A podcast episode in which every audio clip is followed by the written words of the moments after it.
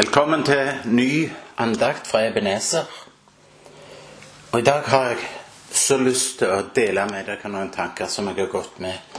Jeg har gått med de ganske lenge, men denne siste uka har, har de nok gjerne tatt meg skikkelig. Og det går litt på dette her med, med lidenskapen i vår tro. Denne brannen som Jesus planta i vårt hjerte. Det, denne lidenskapen som vi har i tjenesten vår, i troa vår. Den som ikke gir opp, men, men som liksom ikke klarer å stanse. Så har jeg kjent at det er virkelig et rop fra Gud i mitt hjerte, i alle fall. Jeg tror det er en gråt på Guds hjerte. Hvor er brannen hos mine barn? Hvor er lengselen etter å tjene meg? Jeg har oppdaget det at det er to typer kristne. Kanskje det blir for hardt, dette. Det er de kristne som er gode, og det er de som går for det beste. Det er ikke sånn at de som er gode, har falt ifra. Men de har bare slått seg ned. Slått seg til ro. Bibelen taler om de som gir 30 og 60 fold, og det er de som har slått seg til ro langs veien. Og venner, i vår tid hvor vi har mangel på åndelige fellesskap. Hvor vi kjenner at det, det, det blir ensomt. En blir aleine. Så er det så lett for oss å slå oss ned. Men jeg ser i menigheter, jeg ser i forsamlinger rundt omkring hvor det har vært strid, det har vært mange ting i menigheter, så har folk satt seg hjemme, så har de slått seg ned. Kanskje disse menneskene gikk for hundrefold. Men så fant de ut at prisen ble litt for høy. I dag så er det litt sånn vanskelig. Nå er jeg jo helt alene. Jeg står ikke sammen i bedehuset i menigheten. Så kanskje 60-fold er nok. Kanskje 30-fold er nok. Og så kan vi se noe av det samme i Bibelen òg. Ja, vi kan se det i historien til Israels barn som gikk rundt i ørkenen i 40 år. Og så kom endelig den dagen da de skulle arve. Og så kommer det noen stemmer til Josva. Stammer som hadde kjempa sin vei gjennom ørkenen. Gjennom ørkenen og gjennom landet. Så kom de nesten fram. Men så slo de seg ned på feil side av jorda. Og Derfor kjenner jeg at jeg er nødt til å stille deg dette spørsmålet i dag. Er du en som har slått deg ned? Eller er du en som vil innta mer land for Herren? Innta mer av det som Herren har for deg? Jeg tror det er dette det går på i dag. Du vet, Dess lenger en går med Gud i striden, så er det vanskeligere og vanskeligere å være hans kriger. Og kjenne jeg savner denne savner å se denne brannen som brenner i hjertene. Når jeg ble frelst, det var på Hestkysten, vi var ute og hadde møter, så, så, var det en god kamerat av meg som sa til meg sånn Det er de gamle, tørre trestubbene som sitter rundt her, som brenner best. Og da, han hadde noe rett i det. Men hvis vi ser i Bibelen, så finner vi noen av holdningene til Guds krigere som virkelig er lett å kjenne igjen. Og en av de som har fascinert meg mest, står der med i Mosebøkene og Josva, og han heter Caleb.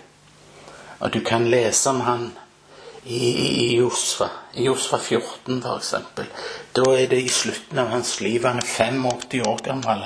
Han kommer tilbake og krever sin rett, for han hadde fått en visjon planta av Herren om at han, han, var, han ble sendt ut for å utspionere dette landet som de skulle innta. Og dette så han var flott. Og så fikk han denne visjonen i hjertet. Og så sier han i dag er jeg 85 år, så han kom fram fra Josua.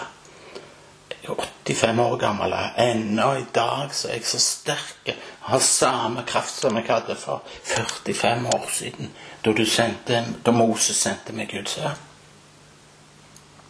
Som min kraft var da, så er min kraft nå, sier han. Til å gå i krigen til å gå ut og til å gå inn. Og så står det så herlig at så velsigna Josse han, og så ga han Hebron til arv. Fordi han trofast hadde fulgt Herren. Det var Caleb. Han hadde fått et løfte fra Gud. Jeg skal gi deg landet. Jeg skal oppfylle alle dine lengsler og drømmer. Men så har han gått gjennom ei tid med forsinkelse og venting. Ikke bare et år, men 45 år. Og gjennom hele denne ventetida så slo ikke Caleb seg ned, for han var en kriger. En tålmodig kriger. Han skulle ha sitt område. Han skulle ha sitt løfte. Sin visjon. Den som Herren hadde planta ned i ham. Og du kan finne det i, i Fjerde Mosebok. Det er herlig å lese om, om han der. Fjerde Mosebok. Men du vet 45 år, det er lang tid, det. Men idet ventetida var over, de hadde kommet inn og skulle dele arven mellom seg, ja, så var Caleb der. Så sa han, 'Kom an, Josua. Jeg vil ha min arv. Jeg er 85 år gammel.' Når jeg ble frelst, så var det en mann på 85 år som kom til meg, møtte meg akkurat der jeg var, og tok meg med i Frelseren. Du vet, alderen er ingen hindring for å være en kriger i Herrens tjeneste. Og det interessante her, det var at Caleb ikke ville ha den lette plassen. Men Caleb ville ha den tøffe plassen. Gi meg de fjellene. Gi meg plassen hvor anarkittene lever, sier han. Hvorfor? Jo, fordi han husker når han var tilbake. Da var ute for å utspionere landet. Og de så kom tilbake for å rapportere til Israels folk. Så sier folk å nei, vi kan ikke gå inn der. Det er jo kjemper der inne. Så måtte Caleb òg være med på denne vandringen rundt i ørkenen. Og han gikk. I over 40 år gikk han. Men nå gikk han på et løfte han hadde fått ifra Gud. Og så tenkte han at bare vent. En dag så skal jeg ta hver kjemper som hindrer meg i min arv. Og hvis du leser 4. Mosebok 1424, så kan vi se det. 1424 i 4. Mosebok. Når folket sier nei, nei. Folket ble redde. Og så endte de i stedet for opp i ørkenen. Og du vet, i ørkenen kan vi jo alle havne. Og Kanskje er det en sånn ørkentid for oss kristne med denne pandemien nå i dag. Når du er i ørkenen, kan jeg få spørre deg om det er du som lytter til. Kommer ørkenen inn i deg da? Forstår du hva jeg sier? For de fleste så kommer ørkenen inn i dem, og så døde de der i ørkenen. Men når Caleb var i ørkenen, så kom aldri ørkenen inn i ham. Nei, han kom ut av ørkenen etter 40 år og fremdeles brennende. Han hadde en brann i hjertet. Han hadde fått en visjon i hjertet. Sjøl med 40 års forsinkelse så slo han seg ikke ned. Han var tålmodig. Han venta. Og jeg ser andre tålmodige ventere i Bibelen. Du vet rett etter Jesus var født, i Lukas 2, så leser vi om Simon. Han venta òg. Han hadde fått et løfte om at en Messias skulle komme. Og så sies det at han var en gammel mann. Men han venta. Han venta. Og i ventetida så ble han ikke bitter, men han ble fulgt av Guds ånd. Og fulgt av Herren. Ja, så venta Simen. En dag så var han på rett sted til rette tid. Og så fikk han se han kongen. Han holdt ut til den rette tida.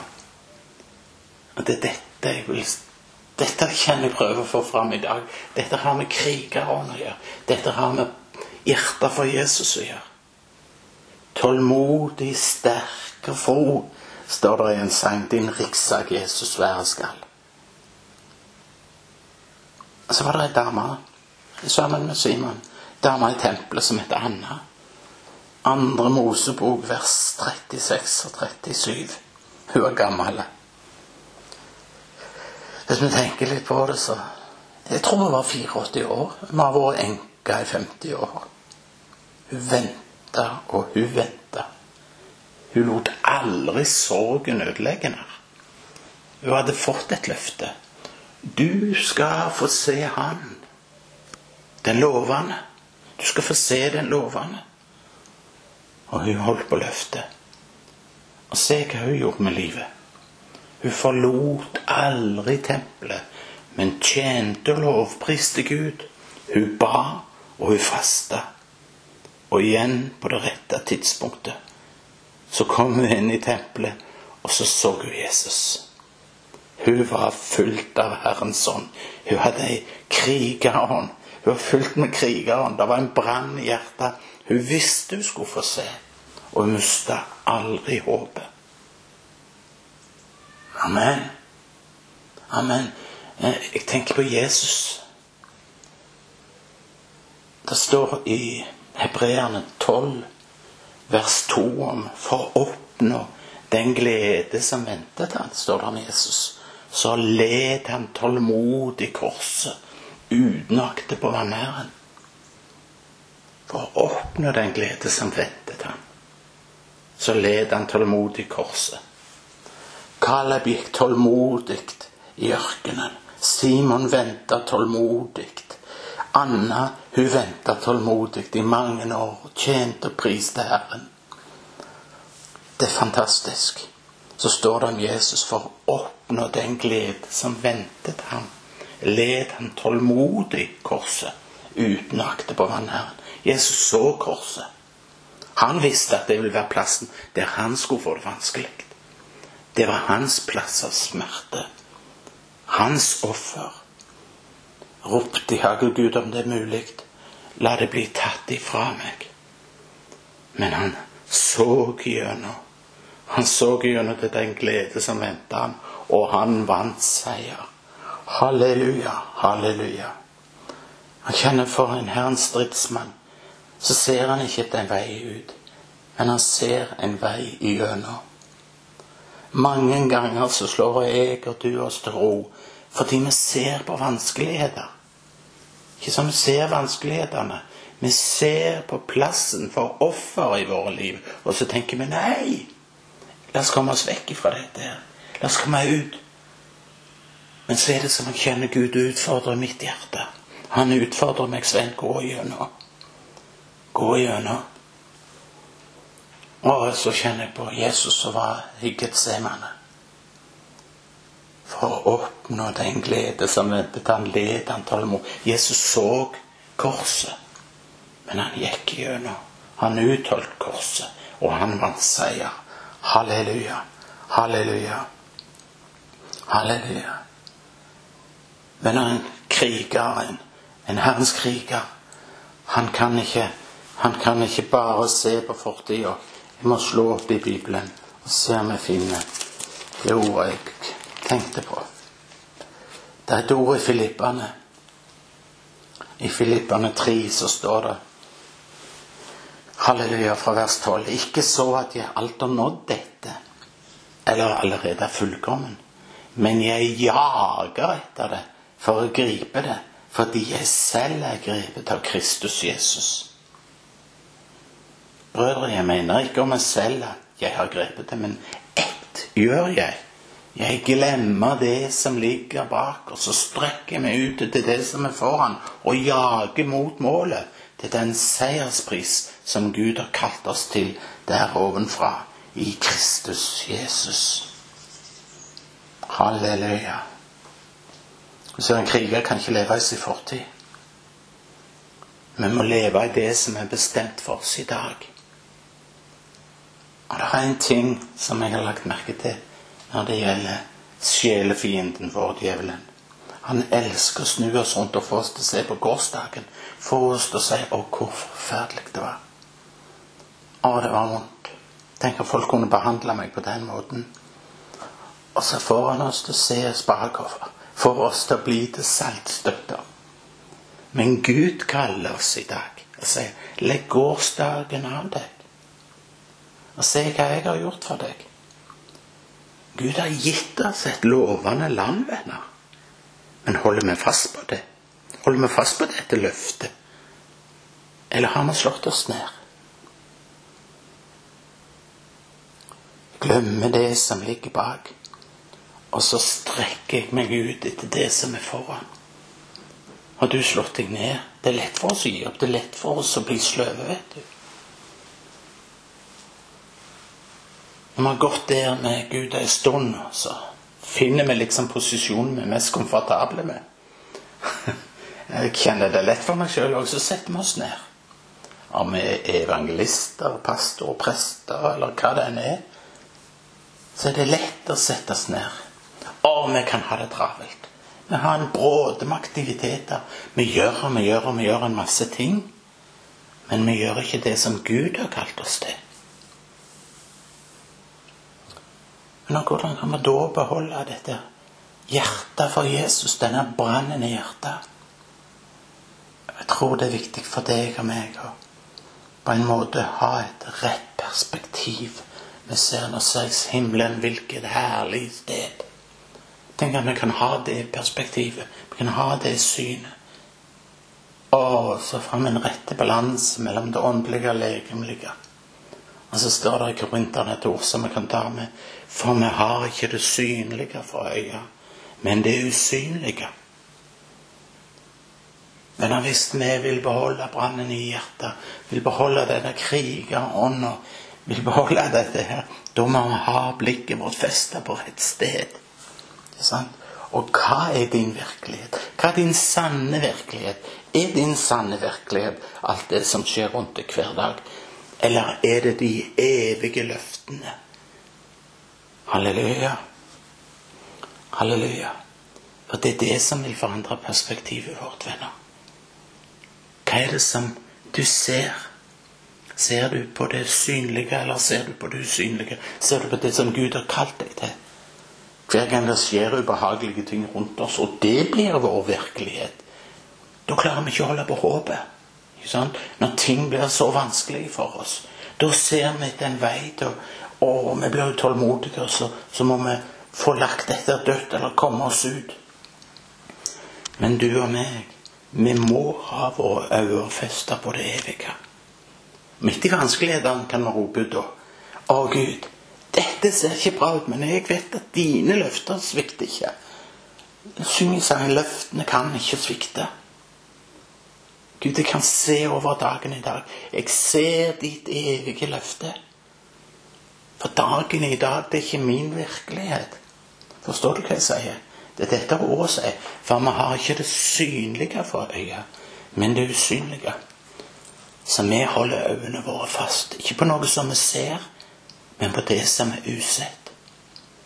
Hvis vi ikke greier å se over våre omstendigheter, så er det så store muligheter for at vi kommer til å miste brannen i våre hjerter. Vi må se over. Gud vil lære oss å gå igjennom vanskelige situasjoner. Han vil det. Og han vil at du skal, skal virkelig kjenne at han vil lære deg. Når det er så viktig for oss, tror jeg at, at vi, vi, må Vi må ha en følelse og en forståelse av himmel og helvete. Det er så lett for denne krigeren å miste følelsen av fortapte sjeler. Det er så lett for oss å slå oss til ro. Men vi må holde oss våkne. Du må, jeg må. For mennesker er i krise, mennesker er i nød. Og hvis det er en brann, en visjon i våre hjerter, ja, så kan vi ikke slå oss til ro. For det er noe der inne som brenner. Jeg må få lov til å forkynne at jeg har møtt den levende Jesus Kristus. Han som virkelig kan forvandle ditt liv. Han som åpner veien til himmelen for oss. Jeg må nå noen. Og jeg tror denne lidenskapen etter å vinne mennesker for Gud, den må vi ha alle sammen. For folk trenger Gud. Jeg kan ikke bare sitte ned og ha et godt møte eller en god sangstund i menigheten og kjenne at alt er så bra. For det er jo bra, ikke sant? Og så lukker jeg døra, og så lukker jeg sinnet mitt fra ropet fra folket der ute.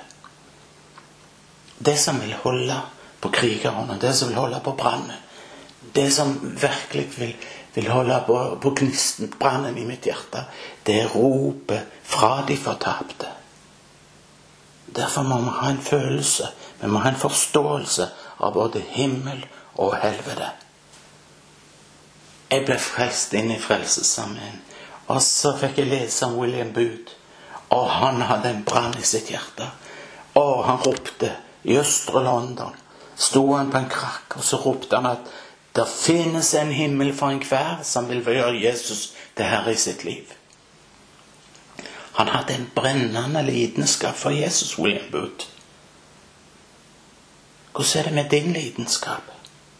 Hvordan er det med din brann for Jesus? Har du mista den? Har du mista din lidenskap for Jesus? Og kjenn i dag er dagen. Jeg tror Gud ønsker helt spesielt å vekke krigerne i oss. Midt i denne pandemien så vil Gud tale til deg og si slutt med å se deg tilbake. Fest blikket på meg og se hva jeg kaller deg til. Det er noen av oss som trenger ta tak i Guds ånd og kjenne på tryggheten. Så Herre, derfor er du her, og du møter folk som lytter nå. Hvis du føler at du har mista det du hadde av visjoner og mening, hvis du har parkert deg sjøl, så vil Han ta tak i deg igjen. Hvis du føler at du har kommet langt ned i vanskeligheter, vanskelige omstendigheter, ja, så ønsker han at du i dag skal få lov til å se ting på en ny måte. Han vil gi deg en radikal tro. Han vil gi deg en lidenskapelig brann. Han vil gi deg en dyp hengivenhet. Han bare spør deg vil du følge meg. Vil du følge ham? Vil du ha et Kalebs hjerte. Selv om det er tøft, så skal du innta landet. Du er kanskje her, sitter og lytter på i dag, så vet du at Gud har gitt deg visjoner og profetier. Allikevel så har du på en eller annen måte bare slått deg ned. Slått deg til ro. I dag vil jeg at du skal reise deg opp og ta tak i den visjonen som Gud en gang ga deg. Og sier, Gud, jeg vil gå videre. Gud, jeg vil nå det landet du har for meg. Jeg er ikke fornøyd med bare å være her. Jeg vil ha alt det som du har for meg. Da kan du i dag få lov til å ta et skritt for Jesus. Der er mer å få. Der er mer å få. Der er mer for barna å få. Amen.